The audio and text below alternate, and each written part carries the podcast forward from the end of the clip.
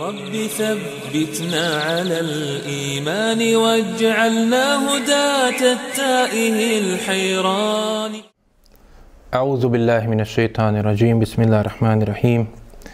إن الحمد لله تعالى نحمده ونستعينه ونستغفره ونعوذ بالله من شرور أنفسنا ومن سيئات أعمالنا.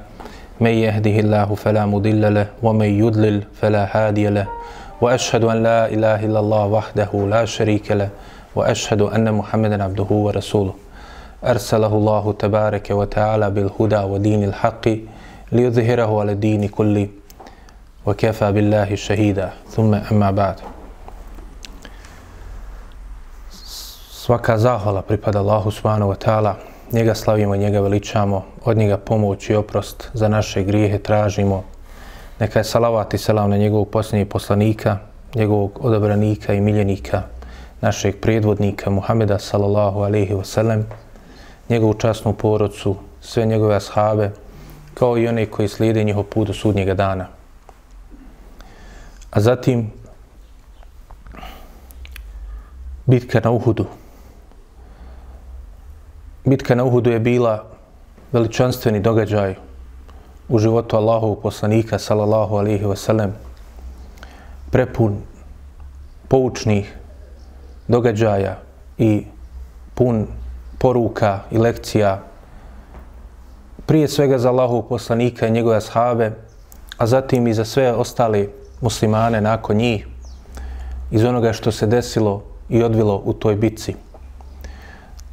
U tome su razne lekcije koje ćemo inšala vidjeti, korisne lekcije, pouke koje čovjek treba da izvuče i da popravi svoje stanje i uzme za sebe ono najbolje i da se sačuva od onoga što je loše po njega. A najbolje za njega je da slijedi Allahov poslanika sallallahu alaihi wasallam, da se pridržava njegovi naredbi i da se kloni njegovi zabrana i da uzima njegove savjete i da po njima radi. I to je ono što je između ostalog vidljivo iz bitke na Uhudu. Zbog toga ova bitka neophodno je o njoj dosta govoriti. Prošli put smo počeli govor o bitki na Uhudu kroz spomnjanje osnovnih podataka o bitki, njenom povodu, kada se desila, odnosu e, snaga poslanikove vojske i vojske mušnika. I danas ćemo nastaviti govor o bitki na Uhud kroz govor o onim događajima koji se desili na putu do samog poprišta bitke. To jeste, kako su jedna i druga vojska došle i stigle do brda Uhud. To jeste do doline pored brda Uhud na kojoj se odvila ova bitka. Zašto je Allahov poslanik sallallahu alejhi ve sellem odlučio da izađe iz Medine i da dočeka tu mušičku vojsku? Uz Allahovu pomoć treba će nam neko vrijeme dakle da pokušamo da što više tih e, događaja koji su odvili u ovoj bitci i predstavimo, a i da vidimo neke koristi za nas, pouke i lekcije iz toga. Pa uz Allahovu pomoć, kao što smo videli kroz bitku na u Bedru, e, neophodno je dakle dosta govoriti o ovim, posebno ovim velikim bitkama koje su bile u životu Allahov poslanika, sallallahu alaihi ve sellem, i o kojima je i Kur'an posebno govorio kao što smo videli 60 ajeta kao što se spominje je objavljeno u bitki na Uhudu zato što je dosta jel, koristi iz nje treba izvući i dosta jel, poruka i pouka. Dakle, Allahu poslanik sallallahu alejhi ve sellem kao što smo prošli put e, počeli govor o tome o uzrocima i povodima ove bitke nakon što je dobio informaciju o izlasku mušrika, odlučio da se počne pripremati za bitku. Mušrici, kao što smo rekli, imali su više povoda zašto su želi da krenu. Možemo reći, imali su i vjerski povod, ta njihova mržnja prema istini i poslanstvu Allahov poslanika, istini sa kojim je došao i objavi od Allaha uzvišenog. Imali su i socijalni razlog zato što su imali veliki jel, društveni E, poremećaj nakon onoga što je zadesilo na Bedru, zato što su izgubili mnoge svoje velikane i glavešine.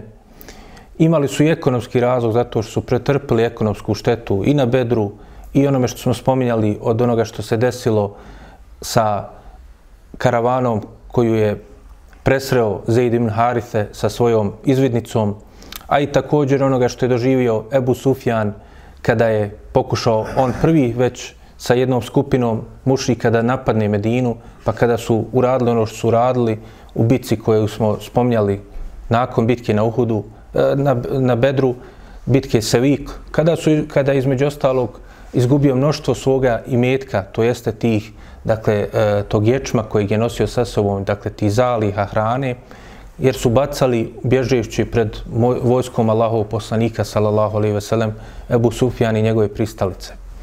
I također imali su i politički razlog da kažemo, da ga tako nazovemo, jel, da bi time sve to zaokružili, u smislu što su izgubili uticaj koji su i počelo da slabi njihov uticaj općenito i njihova slava i njihov ponos u arapskom društvu, to jeste arapsk, na arapskom polotoku, zbog onoga što su oni predstavljali kao ljudi koji su nas, naseljavali e, dakle područje Mekke, pripadali plemenu Kurejiš koje je bilo ponosno i slavno pleme koje je brinulo o Kjabi, Allahovoj kući na zemlji, tako da su počeli da gube svoj politički uticaj. I to je sve postaklo da krenu. Pa se između ostalog od detalja koje još treba spomenuti u tom pogledu, spominje da su uložili veliki napor da bi ono nakon što su doživjeli dakle, i te gubitke u ljudstvu i imetku, dakle da ipak pripreme se što bolje i što jači izađu i napadnu što spremni Medinu sa jasnim ciljem dakle da dođe do konačnog obračuna sa Allahovim poslanikom sallallahu alejhi ve sellem. Da ne uzubila ali njihova namjera je bila da završe sa Allahovim poslanikom sallallahu alejhi ve sellem i sa islamom. Pa se spominje da je spomenuti Safan ibn Umeje koji smo rekli da je bio jedan od tih glavnih koji su posticali i organizovali borbu i e, izlazak vojske iz Mekke prema e, Medini. Spominje se da je on došao jednom od poznatih pjesnika u Mekki kojeg smo već spominjali u događajima bitke na Bedru. To jest onom spomenutom Ebul Azzetu El Džumehiju, koji, koji se odkupio dakle, od poslanika sallallahu alejhi ve sellem tako što ga je poslanik sallallahu alejhi ve sellem na kraju pustio. Dakle, nije uzeo mu ništa e, za uzrat od imetka, dakle, nije morao otplatiti svoju otkupninu, nego ga je pustio Allahu poslanik sallallahu alejhi ve sellem i svoje dobrote, ali pod uslovom da ponovo ne napada med, e, poslanika sallallahu alejhi ve sellem i muslimane i da ne potpomaže dakle mušičku vojsku protiv muslimana. I To je dakle bio dogovor među njima. Ali sada dolazi Safvan ibn Umeje sa posebnom dakle, žarom dolazi da njega nagovori da izađe u ovoj bitci. Zašto? Zato što je Ebul Azze bio pjesnik. Spomnjali smo to više puta, dakle, da su pjesnici u tom vremenu bili e, vrsta medija. Dakle, osnovni, osnovno sredstvo propagande. Zato što su jel, oni kroz svoje stihove koji su se lako pamtili, prenosili između ljudi, onda s jedne strane budili njihove emocije, posebno ako su bile jel, ovakve situacije ratova, kroz svoje domoljubne neke pjesme i stihove, postičući ljude da urade određenu stvar. Videli smo da je to radio i između ostali i Kjab ibn Lešref i drugi. A iz druge strane, što su jel, onda to olakšavalo da se ta vijest što brže proširi među ljudima. Tako da je da su pjesnici bili osnovna vrsta medija i osnovno sredstvo propagande u tom vremenu. Pa je on bio vrlo važan za ove jel, glavešine mušrika da se i on priključi. Pa je on u početku odbio, rekao je Safvanu ibn Umeji, rekao mu je, ali ja sam dao obećanje Allahom poslaniku, sallallahu alaihi veselem. Pustio me, nije uzeo mi nikakav metak, Jer on u osnovi, kao što smo spominjali, bio siromašnijih ljudi. I žalio se poslaniku, sallallahu alaihi veselem, da on ima dosta e, svojih čerki, da nema puno metka, dakle da ga pusti, da se jel, može brinti o njima. Ali sada je Safan ibn Umeje našao metod i način kako da ga privoli. A to je bilo upravo preko tog imetka. Pa mu je rekao, kaže, ako preživiš, ako se vratiš, izađeš s nama i vratiš se, ja ću ti dati veliki imetak. A videli smo iz događaja sa e, Vehbo, Umerom ibn Vehbom, dakle, kako je on isto i njega posticao, a bil su prijatelji da ode na napadne poslanika, sallallahu alaihi veselem, i da će on pomagati i metku, da će platiti njegove dugove i tako dalje. Opet i ovdje istu stvar radi. Isto kao što smo rekli u događaju bitke na Bedru, a ovdje posebno u bitke na Uhudu, vidjelo se istaklo ta, dakle, ulaganje metka u, na putu borbe protiv Islama od strane ovih nekih od velikana među mušicima i njihovi glavešina koji su jel, bili bogati ljudi. Pa je, dakle, Safvan ibn Umeje se obavezao na to i rekao mu, ja ću ti dati veliku nagradu ako izađeš i preživiš. A ako slučajno pogineš u toj bitci koju, koju, u koju ideš sa nama, ja ću se brinuti o tvojoj poruci. Preuzimam na sebe, jel, e, da budu, kaže, bit će poput moje djece. Što bude moje djece, bit će njima, tim tvojim čerkama. Dakle, tako da je ga osiguro, dakle, da ne, nema više razloga da uh, oklijeva da li da izađe sa njima. A s druge strane, jel, on je time prekršio obećanje koje je dao poslaniku, sallallahu alaihi veselem. I vidjet ćemo kakav će onda zbog toga biti njihov završetak, kao što smo već to ispominjali. Pa je, dakle, on bio jedan od tih koji su onda počeli među ljudima, dakle, da svojim stihovima postiču, svojim domoljubnim pjesmama, da se osvijete muslimanima, da se osvijete Allahom poslaniku, sallallahu alaihi veselem, da izađu u bitku i da žrtvuju što više imetka svoga, da sve, što više uloži svoga imetka, da se opremi ta vojska, da što spremnija krene u borbu protiv muslimana. On nije bio jedini koji je tu imao ulogu. Spominju se još neki pjesnici, kao što navodi Ibn Hišam u svojoj siri, također Ibn Sad i imam Ibn Kethir u svome poznatom dijelu El Bidajeva Nihaje, kaže se da se spominju još tu, osim ovog Ebul Azeta, spominje se čovjek pod imenom e, Musafije Ibn Abdumenaf, i također Hubeire ibn Ebi Vehb. Dakle, Musafije, Ebul Aze i e, Hubeire su bili dakle, ti pjesnici koji su imali ulogu da ljude postiču na borbu i da izađu, da se osvijete muslimanima. I oni su ostvarili u tom planu dakle, veliki uspjeh. Tako kao što smo rekli, na kraju izašlo 3000 najodabranijih, najspremnijih i e, kogod je mogu angažovao nekoga da izađe i postako je nekoga da izađe sa njim u, u, u ovu bitku i da se da napadne muslimane. Između ostalog se spominje i da je Džubeir ibn Mutaim, koji je u tom trenutku bio još uvijek mušnik. Spominjali smo ga da je, dakle, on bio taj koji je, e, čiji otac bio Mutaim ibn Adi, koji je pomogao poslaniku, sallallahu alaihi ve sellem, nakon što je doživljeno što je doživio u Tajfu i da je pomogao mu da se vrati u, u Meku sigurno, da je poslanik sallallahu alejhi ve sellem ga spominjao nakon bitke na Bedru, istako i zahvalio mu se time što je rekao dakle da je on živ, da bi poslušao njega kako da postupi prema zarobljenicima od mušrika. Njegov sin, dakle Džubeir ibn Mutim, kasnije će primiti islam u ovim nekim danima, alikum se na, nakon ovih događaja između e, neki, e, dakle, spominju nakon bitke na Uhudu, neki nakon bitke na Bedru, u svakom slučaju kasnije će primiti islam. Ali je došlo u hadisu kod imama Buharije i kod imama Ahmeda u njegovom usnedu, dakle, da je on bio taj koji je angažovao Vahšija ibn Harba, koji je bio porijeklom abesinac, bio rob u mekanskom društvu, da je on njega angažovao i obećao mu da će ga osloboditi ako ubije Hamzu ibn Abdul Mutaliba neki, jel da kao što znamo iz nekim istorijskim izvorima se spominje i poznatije da je to bila Hind, da je ona ga angažovala, no međutim, istina je da je, e, dakle, e, Džubeir ibn Mutaim bio taj koji ga angažovao. Zašto? Zato što je, kaže, e, na Bedru Hamza ibn Abdul Mutalib ubio njegovog Amiću. Ubio je njegovog amiđu kojem je ime bilo Tuajme ibn Adi, to je brat od njegovog oca, jel, e, Mut'ima, on ga je ubio u događajima bitke i on je želio da se zato osveti. Tako da je između ostalih, dakle i ovaj Vahši krenuo sa jedinim ciljem kao što će kasnije sam prima, pričati nakon što će primiti islam i tako dalje, dakle da je izašao na Uhud samo s jednim ciljem. Nije ga interesovala ni borba, ni ko će pobijeti, ni ko će izgubiti, ni šta će se desiti, njega je interesovala njegova sloboda. On je bio rob. I dobio obećanje da će biti oslobođen ako ispuni jedan zadatak, a to je jel, da ubije lava Islama, Hamzu ibn Abdul Mutaliba, Amidžu Allahov poslanika, sallallahu alaihi wasallam.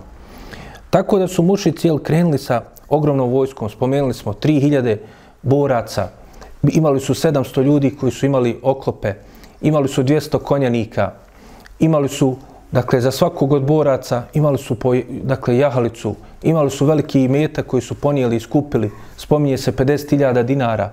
Dakle, čak i ove cifre, kad uzmemo u obzir i stavimo u kontekst tog vremena, to su ogromne cifre.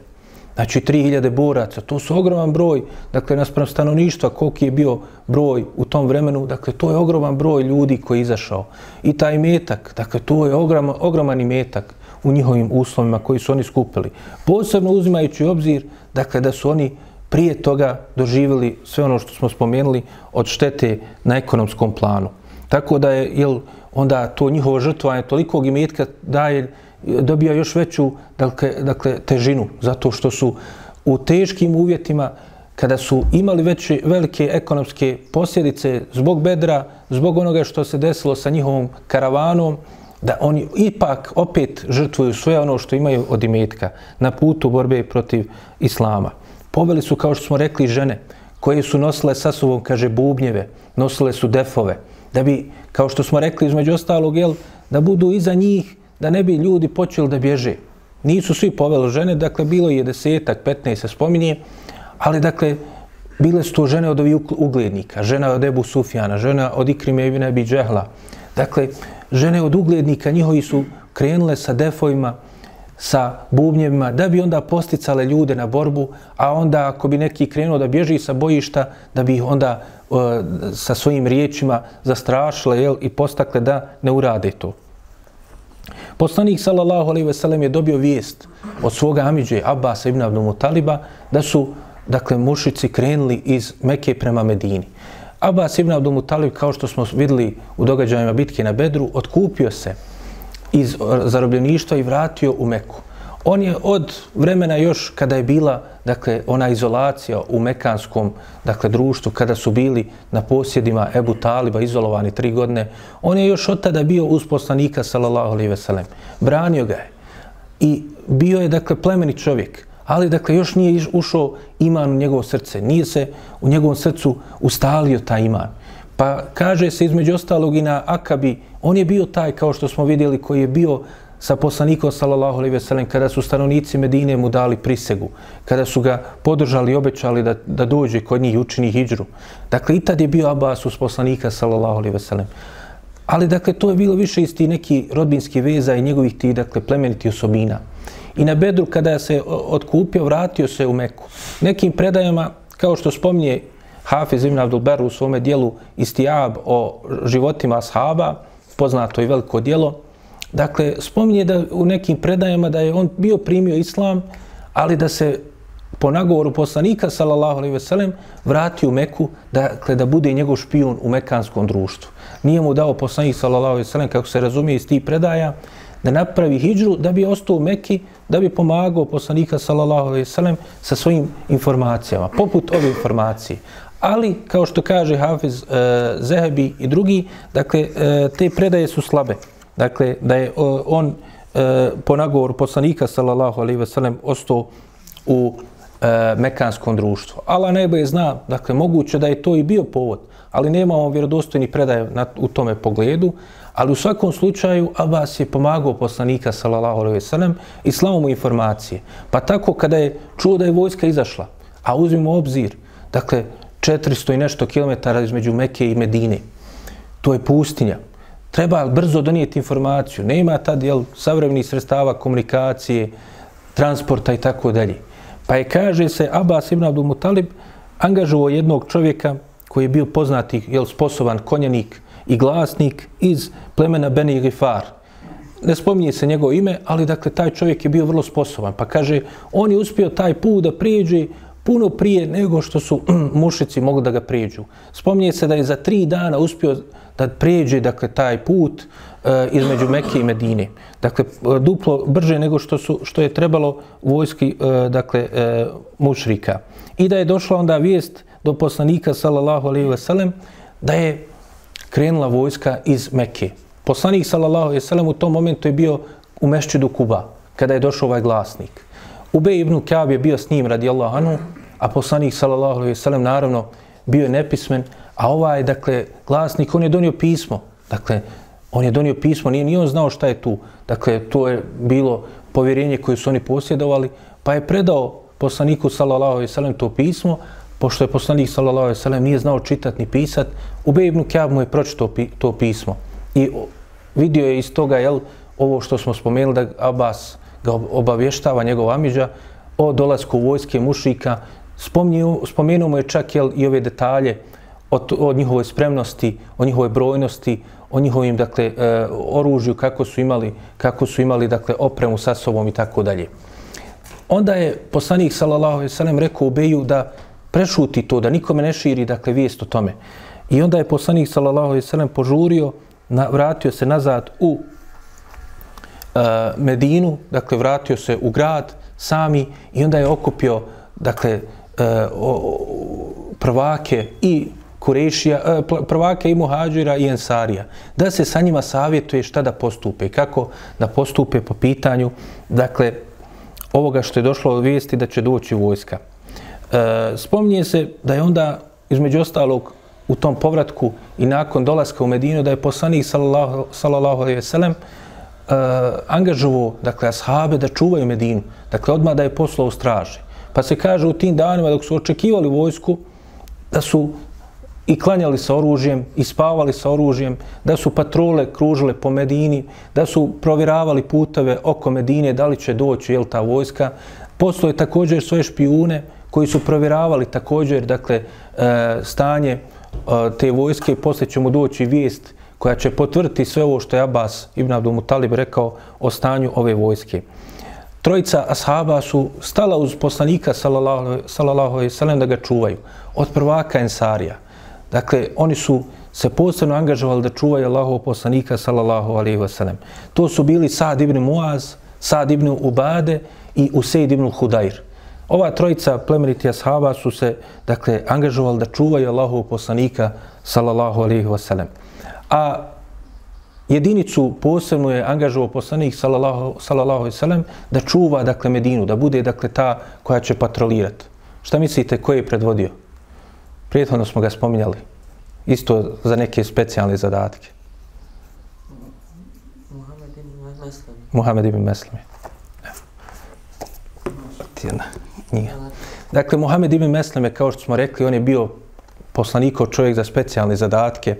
Tako i u ovoj prilici, dakle, Allahov poslanik, sallallahu alaihi sallam, angažuje njega i neke ashabe sa njim, dakle, predvođene sa njim, dakle, da oni budu ti koji će čuvati, dakle, E, e, i štititi Medinu i obaveš, na vrijeme da ih mogu obavijesti ako bude dakle došla već vojska mušička.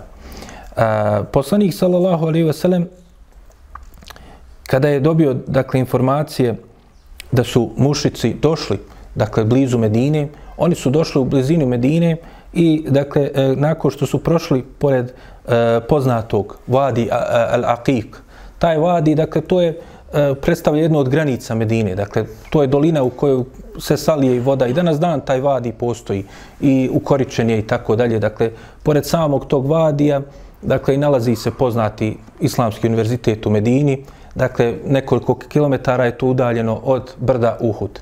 Tako da su oni tu zastali, prešli su preko tog vadija, nisu se mogli kretati vadijom zbog njegove prirode, dakle, terena. I onda se uputili prema e, brdu Uhud. I onda su tamo kada su došli, ocijeli su kod e, dakle, mjesta Ainein. To je u stvari mjesto koje se nalazi pored ovog brda koji će kasnije postati brdo e, poznato kao brdo Strilaca. Tada je bilo poznato kao brdo Ainein koje se nalazilo naspram, dakle manje brdo koje se nalazilo naspram, dakle brda Uhud. E, tu je, dakle, se ulogorla ova e, mušička vojska, A zbog toga, između ostalog, e, zašto se tu smjestili? Zato što je tu bilo plodne zemlje, zato što je tu bilo i vode, bilo je, dakle, e, pašnjaka, pa su mogli, dakle, svoje konje, svoje jahalce tu da nahrane i napoje, a i oni da se odmore. Poslanik, sallallahu alaihi ve sellem, je poslao svoje špijune da provjeri, dakle, kako je stanje brojno, kakva je pripremljenost te vojske. Pa je poslao dvojicu e, braće. Jednom ime bilo Enes, a drugom je bilo ime e, Muennis. Dakle, Enes i Muennis, koji su sinovi Fadale, e, Zaferejana, kaže se, oni su otišli, e, spominje se da je to bilo šestog e, ševala. dakle šestog ševala e, u četvrtak, dakle otršli su da provjere stanje dakle te vojske, da vide kakva je situacija e, i kakva je oprema e, i njihova spremnost. Pa se spominje da su oni potvrdili ono što je već Abbas ibn Abdul Mutalib rekao. Također je poslanik sallallahu alejhi ve sellem spominje se poslao i Hubaba ibn Munzira koji je također došao sa sličnim informacijama, dakle poslaniku sallallahu alejhi ve sellem, dakle da je oko 3000 da imaju 700 ljudi pod oklopima, da imaju 200 konjanika, da su došli dakle sa svojim najboljim mogućim oružjem koje su imali. Nakon toga je poslanik sallallahu alejhi ve sellem usnio san. Usnio je san kako se spominje u hadisu kod Buharije se općenito spominje dakle da je poslanik sallallahu alejhi ve sellem uh, usnio i kaže vidio sam kaže kako mi je uh, polomljena sablja.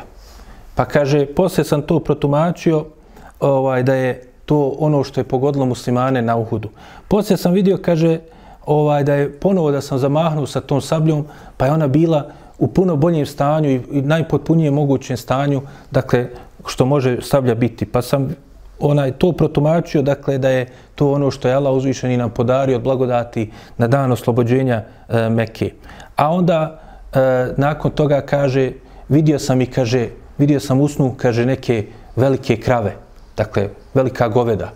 Ovaj, u, e, dakle, hadisu koji bilježi ima Mahmed, a također e, spominju ovi poznati istoričari Ibn Sad, Ibn e, e, Hišam, Imam Beheki u, u Delajlu Nubuve, u govori o životu Allahov poslanika, sallallahu alaihi veselem, spominju detaljnije malo taj san. Dakle, i taj, e, ti hadisi, kao što kažu, e, dakle, e, učenjaci, dakle, su, su, su dobro glanca prenosilaca, tu se malo detaljnije spominje. Pa kaže se da je poslanik sallallahu alaihi ve sellem e, usnio dobar san, kako je on sam rekao i obavijestio sahabe. Pa je, kaže, usnio sam, kaže, debela goveda koja je, kaže, su bila zaklana. O, pa sam, kaže, usnio je također kako mu je vrh njegove sablje da je, o, o, dakle, o, otkinut i osjećen. E, pa kaže, također, e, vidio sam, kaže, kako svoju ruku stavljam na štit. Pa kaže, poslanik sallallahu alejhi ve sellem je protumačio ovaj san, ashabima je rekao, što se tiče tih goveda, to su, kaže, e, ugledni ljudi, velikani, da kažemo, jel, dakle, od a, ashaba, koji su, jel, ubijeni. Što se tiče, kaže, ove osjećenog vrha sablje, to je, kaže, da će biti pogođen i da će, jel, biti pogođen time što će izgubiti nekog od svoje porodice. A što se tiče dakle tog štita, njega sam protumačio kao e, Medinu. To jeste, isto ga je zaključio sna da će Allah dati iskušenje, da će izgubiti neke velike svoje drugove, plemete ashave, da će biti i žrtava u njegovoj poroci, da će nekog velikog iz svoga poroci izgubiti, a i također da je najbolje za njih da ostanu u Medini. No međutim, poslanik sallallahu alejhi ve sellem nakon što je e, to proči, e, dakle, protumačio taj san, onda se spominje da je predložio ashabima nakon što je s njima jel, sjeo da se posavjetuje, iznio je svoje mišljenje nakon tog sna, šta je najbolje da postupe. Dakle, iz sna je vidio da je najbolje da ostane u Medini. Pa je onda ispomenuo detalje zašto je to dobro. Pa se spominje u hadisu kod imama Nesaija, u njegovom sunenu Kubra i kod imama Ahmeda u njegovom usnedu, da je poslanik sallallahu alaihi ve sellem rekao, kaže, bolje je da ostane u, u, u Medini, pa kaže, ako se budemo borili na njenim ulicama, kaže, moće čak i žene da gađaju sa kuća, dakle, e, mušičku vojsku. To jeste, bit će i puno teže da napadnu, dakle, Medinu iznutra. I to je bila Allahova mudrost, kako je Allah uzvišen i dao poslaniku svome da živi, dakle, u Medini, a ne onako kako je mislio kad nije mogao u Mekki da ode u Taif, koji je tada u osnovi u vanštini bio veći centar nego Medina.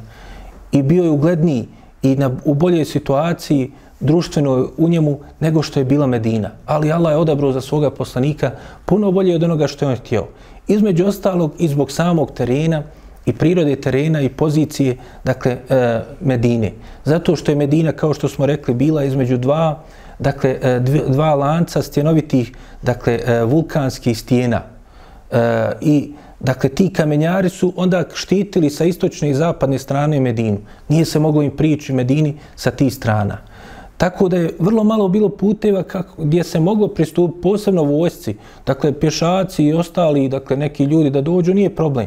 Ali da vojska koja ide sa konjanicima, sa svojim jahalicama koji nose opremu i ostalu, ona se nije mogla lako kretati. Pa kaže se u drugim dijelovima, bili su također dakle kamenjari, poput ove doline koju smo spominjali, doline Akik i tako dalje, dakle nisu mogli odatle da konjanici prođu.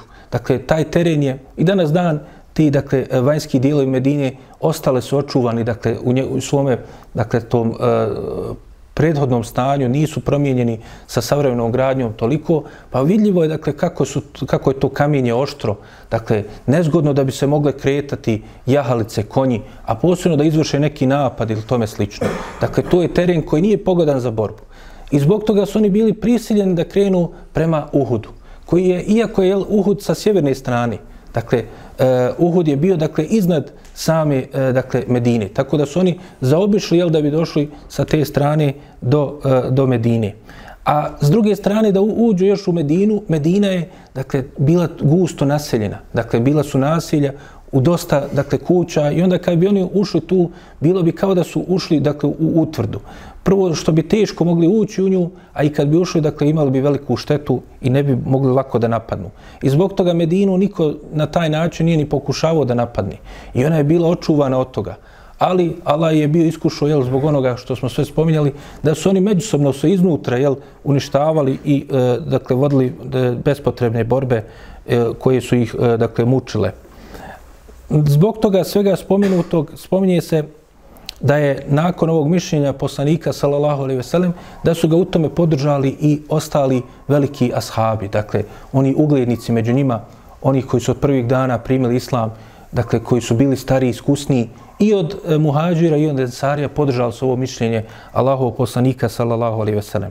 Čak podržao i Abdullah ibn Ubej ibn Salul vođa muš, e, munafika. E, on je to podržao a kao što kaže e, ka, kao što kažu učenjaci, on imao svoj skriveni razlog zašto je to želio da uradi i zašto je podržao dakle, to mišljenje da se ostane u Medine, izlazi dakle, na, uh, van Medine. Kaže se, to je on uradio zato što je smatru da na taj način će moći izbjeći borbu. Dakle, kada oni dođu na vale, on bi se mogao povući svoju kuću sa svojim unaficima i ne bi morali učestvovati u borbi i prepustili bil da vide šta će se desiti u toj borbi između mušrika i muslimana. A ovako, kad bi izašao na poprište bitke, onda tu više ne može. Dakle, ili mora pobjeći ili mora učestvovati u borbi. A on, naravno, nije želio da ispadne kao kukavica. No, međutim, većina ashaba koji su dakle, e, bili u ovom momentu na, na tom savjetovanju, a većina je također od te većine koja je bila na mišljenju da se izađe, bili su u osnovi mladići. Dakle, to su bili u osnovi, kako se spominje, ili mladići, ili oni koji nisu izašli od tija mladića i neki drugi, jel, malo starijih, koji nisu izašli i nisu imali čast da budu učesnici bitke na Bedru. Pa su oni željeli da se suprostave, dakle, da i oni učestvuju, da i oni do, do, dožive tu, dakle, veliku počast borbe na lahom putu. Pa su rekli, kaže, oni od Ensarija, od tih mladića, kaže, nikad niko nije napao Medinu iznutra, pa nećemo dopustiti ni sada, nego ćemo mi izaći njima. Dakle, I spominju, dakle, učenjaci više razloga zašto su došli do tog zaključka. Pa kažu jedni, što se tiče Ensarija, dakle, oni su obećali da će čuvati Allahov poslanika, salallahu alaihi veselem. Pa su oni želi da izađu, dakle, da ne dopusti da napadnu poslanika u Medini. Oni su obećali da će ga čuvati u Medini, pa da onda izađu van Medine, da to ne dopusti da uđu u Medinu. Što se tiče e, muhađira, od onih koji su jel, to savjetovali, a to su većinom ti bili mladići, oni su smatrali da su oni preči. Dakle, pošto su oni dakle, e, od istog naroda od ovih koji napadaju, oni su najpreči da ih onda spriječe. To jeste, oni su od Kurešija i ovi mošici su od Kurešija, pa oni trebaju da spriječe njih da napadnu dakle, poslanika i muslimane u, unutar Medine. Također smatrali su da je bilo dakle, i uspije sami dakle, mušika da drže Medinu u okruženju. Dakle, i to su želi da spriječe, nego da izađu da to spriječe. Ali mišljenje koje imao poslanik sallallahu alejhi ve sellem iz posebno što je on usnuto vidio, a dakle njegovi snovi su istina, dakle i to je bila objava, a, a i također i ovi a, iskusni ashabi, dakle oni su imali bolje mišljenje, imali su dakle racionalnije razmišljanje. Zato iz ovog što smo spomenuli, dakle, da kada je Medina, e, ako bi ušao u Medinu, teže bi se ovi mogli suprostaviti. Povećao bi se odnos, dakle, e, odnosno smanjila bi se razlika između vojski. Jer 3000 je bilo u ovom momentu naspram 1000. Dakle, pogledajmo, na Bedru je bilo hiljadu da kažemo ili 950 da zaokružimo na hiljadu naspram 314 asaba, dakle odnos razlika od nekih 700, a sada 3000 naspram hiljadu. Razlika je u 2000. Dakle, puno veća razlika. Ali kad bi napali unutar Medine, onda bi žene i djece mogle učestvovati. Kao što je rekao poslanik sallallahu alejhi ve sellem, mogli bi ih dakle gađati oni, mogli bi sa kamenje koristiti kamenje u borbi protiv ovih mušrika da ispriječi. Također eh, ne bi onda mušici mogli da izdrže zbog svoje prirode nevjere na kojoj se nalazili, da izdrže u tom e, dakle, e, opsadnom stanju da drže Medinu. Kad tad bi došlo do sukoba među njima, do razjedinjavanja njihovih redova, do e, razmomilaženja njihovih mišljenja, šta da postupe i kako da radi. Tako da, jel, sabor i strpljivost na tome bi bila na strani muslimana, ali ovi mladići su bili nestrpljivi za borbu i želi su da izađu. I oni su bili u većini i na kraju je poslanik sallallahu alejhi ve sellem se time i složio i odlučio je tako da postupi. Dvojica sahaba, dakle, e, koje smo već spomenuli u Sejid ibn Hudair i Sad ibn Muaz, kada je poslanik sallallahu alaihi ve sellem ušao u svoju kuću, onda su rekli ovima sahabima, e, pošto je poslanik sallallahu alaihi ve sellem njima rekao, kaže, bit će onako kako ste vi odlučili. Dakle, složio se sa njihovim mišljenjem, iako njegovo mišljenje bilo suprotno od tog mišljenja i većine dakle od ovih uglednih ashaba. Ali dakle većina opšta je bila dakle na ovom drugom stavu. Dakle toliko onome što neki zagovaraju zagovaraju jel e, princip šta kaže većina. Dakle često većina se složi na nečemu jel što je e, poneseno nekim svojim dakle e, e, dakle brzopletnim razmišljanjem poneseni ne, svojim emocijama i tako dalje. Dok ovi iskusni ljudi to puno racionalni, racionalnije i hladni du, glava razmisli o određenoj situaciji. Pa su ova dvojica sahaba, Sad ibn Muaz i Usaid ibn Hudair, onda rekli ostalima, kaže, poslanika ste nastirali da postupi suprotno svome mišljenju. Dakle, vi ste ga prisilili da izađe iako nije bio za to. I kada, je, kada su poslušali te njihove riječi, onda su se smirili i skontali da su možda malo e, prenaglili u svome mišljenju. I onda su tražili od Hamza ibn Abdul Mutaliba da ode pričat sa Allahovim poslanikom, sallallahu alaihi sallam, i da mu kaže da će oni poslušati njegovo mišljenje. Nije problem nikakav. Da će uraditi onako kako on želi. No međutim, poslanik, sallallahu alaihi sallam, je ušao u kuću i već se bio primio. Pa se spominje, kaže, obuko je dva štita. Dakle, ne jedan, nego dva štita, jedan preko drugog.